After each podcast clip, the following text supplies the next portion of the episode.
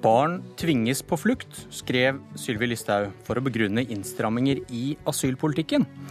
Men forskningen hun hevder hun bygger den konklusjonen på, viser at bare én av 30 barn ble tvunget. Hvordan kan Listhaug da hevde at citat, barn tvinges i stor grad på flukt? Vi kan spørre henne. Velkommen til Politisk kvarter, innvandrings- og integreringsminister Sylvi Listhaug. Tusen takk for det. Regjeringen har, som de fleste har fått med seg, kommet med forslag om nye og strengere regler for barn som søker asyl i Norge. Og I et innlegg på Ytring skriver du denne uken hvorfor dette er nødvendig. Barn tvinges i stor grad på flukt. Hvor finner du dekning for det i den forskningen du viser til?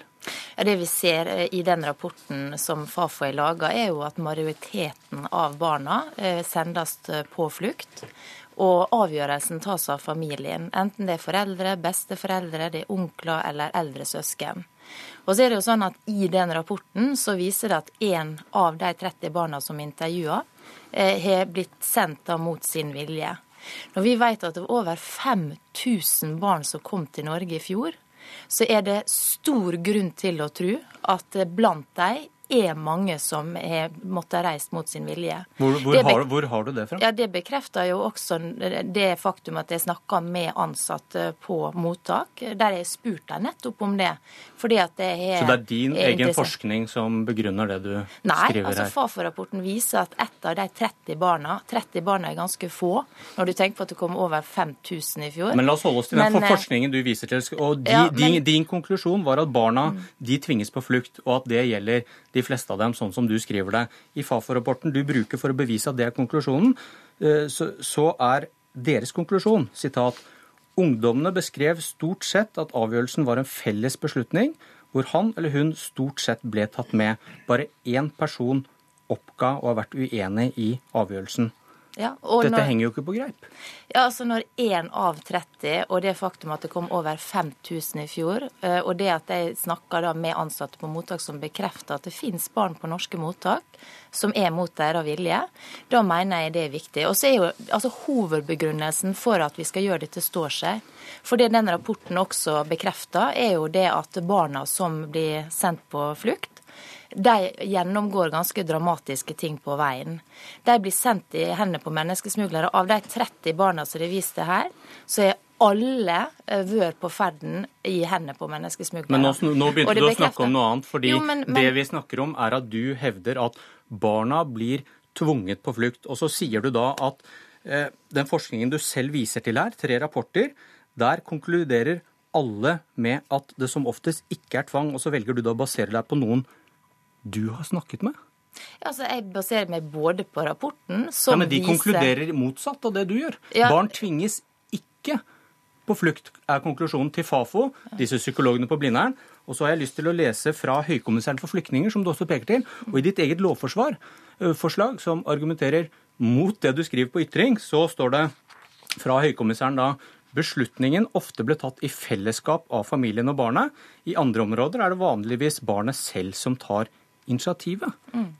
Igjen det motsatte av det du hevder i ytringen, skriver dere i departementets eget lovforslag. Du finner ikke igjen i lovforslaget en argumentasjon for at barn tvinges. Nei, men som sagt så er det i den rapporten vist til at ett av de 30 barna faktisk er der mot sin vilje. Og når du tenker Men på du da sier at de fleste gjør det Og når du tenker ytring. på det at 5000 barn kom, så Men de er det vet helt ikke du noe om. Ja, men det er i hvert fall helt klart at det er flere enn ett barn i Norge som er mot sin vilje, og ett barn er ett for mye. Men da lurer jeg og på, derfor da, så da er det lurer jeg på hvorfor å bekjempe dette her. Ja, det er viktig Mm. å bekjempe det, men da lurer jeg på Hvis det du hevder i din ytring, at barn tvinges på flukt, er riktig, hvorfor skriver dere ikke det i lovforslaget og begrunner det der? For det er ikke spor av det. Fordi at vi mener at det er dekning for å si at det finnes barn i Norge som er mot sin vilje. Det bekrefter rapporten, og det bekrefter også Men de som jobber på at, mottak. men hvorfor skriver dere ikke at, at barn tvinges på flukt i lovforslaget? For der står det ikke. Det står kun i din ytring. Ja, I lovforslaget så står det at i mange saker så er det altså familien som bestemmer om barnet skal reise eller ikke. I noen saker så får de være med på avgjørelsen. Men mitt poeng er at det, det at barn blir sendt til Norge mot sin vilje, er noe som vi må bekjempe. Vi må også bekjempe at barn blir sendt der de, de er med på det sjøl. Rett og slett fordi at vi vet at den ferden de utsettes for, er livsfarlig. Hva sier du vi til at, at forskerne de blir utsatt for vold og overgrep, og litt av hvert på veien. Så det, den begrunnelsen står seg veldig godt. Nettopp fordi, at det, barna, ja, fordi at det er barnas beste ja. vi må tenke på. Men hvis vi snakker om din ytring, da, hvor du hevder at barn tvinges på flukt, hva, hva tenker du om at forskerne sier du tar feil, og du bringer forskningen i vanry? Nei, Det får de lov til å mene. Det som er min, eh, mitt hovedanliggende, er å si at grunn, altså, de forslagene som vi fremmer, står seg. Fordi at vi ønsker å bidra til at disse barna ikke blir sendt på flukt. Vi ønsker å bidra til at Norge ikke skal bli som Sverige. De fikk altså 35 000 unge enslige i fjor. Veldig mange av dem menn. Og Sverige er i en situasjon der det på enkelte aldersklasser er like stor ubalanse mellom kjønna som det Kina har, som har drevet med ettbarnspolitikk i mange år. Politiet bekrefter også at mange av de som kommer hit, og det sier jo også de som jobber på mottak, har veldig urealistiske forventninger om hva man kan oppnå i Norge. De ønsker å bli advokater og leger og alt eh, sånt, og at mange får seg en nedtur når de kommer. Okay. Det de er eh. bekymra for, er jo at mange av disse som da blir skuffa, kan gå inn i en kriminell løpebane. Derfor er det veldig viktig at vi lykkes med integreringa. Og hvis vi skal lykkes med integreringa, så har det sammenheng med hvor mange vi skal eh, ta vare på. Så kommer jo spørsmål om det er et mønster her, for i første utkast til innstramminger skrev dere i Romula at for å begrunne strengere regel for familiegjenforening, så skrev de at tilstrømming gir grunnlag for en sekundærinnvandring av familiemedlemmer som kan bli enda større. Det betyr at hvis 10 000 får bli, så kommer det minst 10 000 i familiegjenforening. Men nå, etter at SSB den gang protesterte, så hadde dere droppet den formuleringen og skriver at 10 000 vil føre til i snitt 6000 i familiegjenforening. Det kan jo virke som du krisemaksimerer for å begrunne innstramminger, og så må du moderere deg når forskerne arresterer deg for feil? Absolutt ikke. Men på høringsutkastet så var vi jo veldig ærlige på at dette her hadde gått fort. Eh, og det var jo fordi at det hasta å få ut på høring og få fram en sak for Stortinget som vi nå har levert på rekordtid. Gikk litt fort Også, når du skrev den ytringa òg? Eh, og så har vi jo nå i ettertid da gjort eh, opprettelser i det som er sendt til Stortinget, som er det viktigste. Og det er jo derfor vi har høringer, for å få innspill. Rasmus Hansson, så mener jeg at det står seg, det som står i denne artikkelen, fordi at jeg mener at det er u, altså ett barn som blir sendt mot sin vilje, er én for mye. Derfor så må vi gjøre det vi kan for å bekjempe det. Rasmus Hansson, talsperson for Miljøpartiet De Grønne. Du er her for å snakke om landsmøtet, men dere står jo også utenfor asylforliket på Stortinget. og Står den seg, denne artikkelen Listhaug skrev? Eh, nei, det gjør den jo åpenbart ikke. Miljøpartiet De Grønne er jo et parti som eh, i særlig stor grad syns det er viktig å legge vekt på å basere politikken på forskning. Og når eh, forskerne i dette tilfellet protesterer så heftig mot uh, Sylvi Listhaugs uh, måte å framstille forskningen deres på, uh, så må man jo høre på det. Og de viser jo til det de selv skriver, som uh, Sylvi Listhaug elegant snur opp ned. Og dette er jo dessverre noe som preger Fremskrittspartiet. Fremskrittspartiet er et parti som i større grad enn andre partier forsøker å tilpasse forskningen til sin politikk, og ikke omvendt. Dere har en fiskeriminister som vil styre havforskningen eh, etter sitt bilde. Og dere har jo en lang tradisjon med å se bort fra klimaforskningen. Listhaug. Så dette er jo dessverre et mønster. Det er jo uenig i, men hvis du ser et mønster i MDG sin eh, politikk, så er jo det å stå for noe som andre skal leve etter, og gjøre det motsatte sjøl. Og der er det jo veldig interessant å se på byrådet i Oslo, som skal fjerne biler for andre mens de kjører limousiner okay. sjøl. Sånn at der kan vi diskutere mange ting. Der var vi langt inne i en annen debatt. Vi skal snakke litt om det. Takk Takk, Sylvi Listhaug.